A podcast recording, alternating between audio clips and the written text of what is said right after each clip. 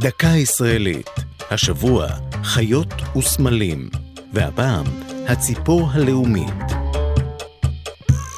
במסגרת חגיגות ה-60 למדינה התבקש הציבור להכריע בסוגיה חשובה. מי תהיה הציפור הלאומית? מרכז הצפרות של החברה להגנת הטבע יזם את התחרות כדי לחזק את המודעות לשמירה על החי בארץ ישראל. כאלף חובבי טבע כונסו על מנת לבחור עשר מועמדות מתוך 350 מיני ציפורים ארץ ישראליות.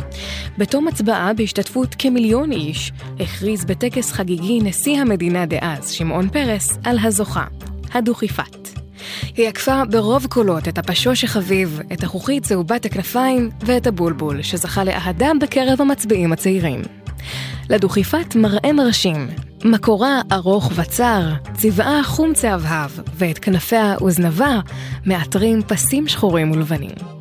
במעמד הזכייה לא היה צורך להעניק לה כתר ניצחון, כיוון שסימן ההיכר הבולט ביותר שלה הוא ציצת נוצות כתומות המזדקרות מראשה. כיאה לציפור הלאומית, היא מופיעה גם בשירו של המשורר הלאומי, חיים נחמן ביאליק. בין נהר פרת ונהר חידקל, על ההר מתעמר דקל. ובדקל בין אופאיו, תשכון לה דוכיפת זהב. זו הייתה דקה ישראלית על חיות, סמלים והציפור הלאומית. כתבה נעמי שלו, ייעוץ מדעי, הדוקטור יוסף לשם.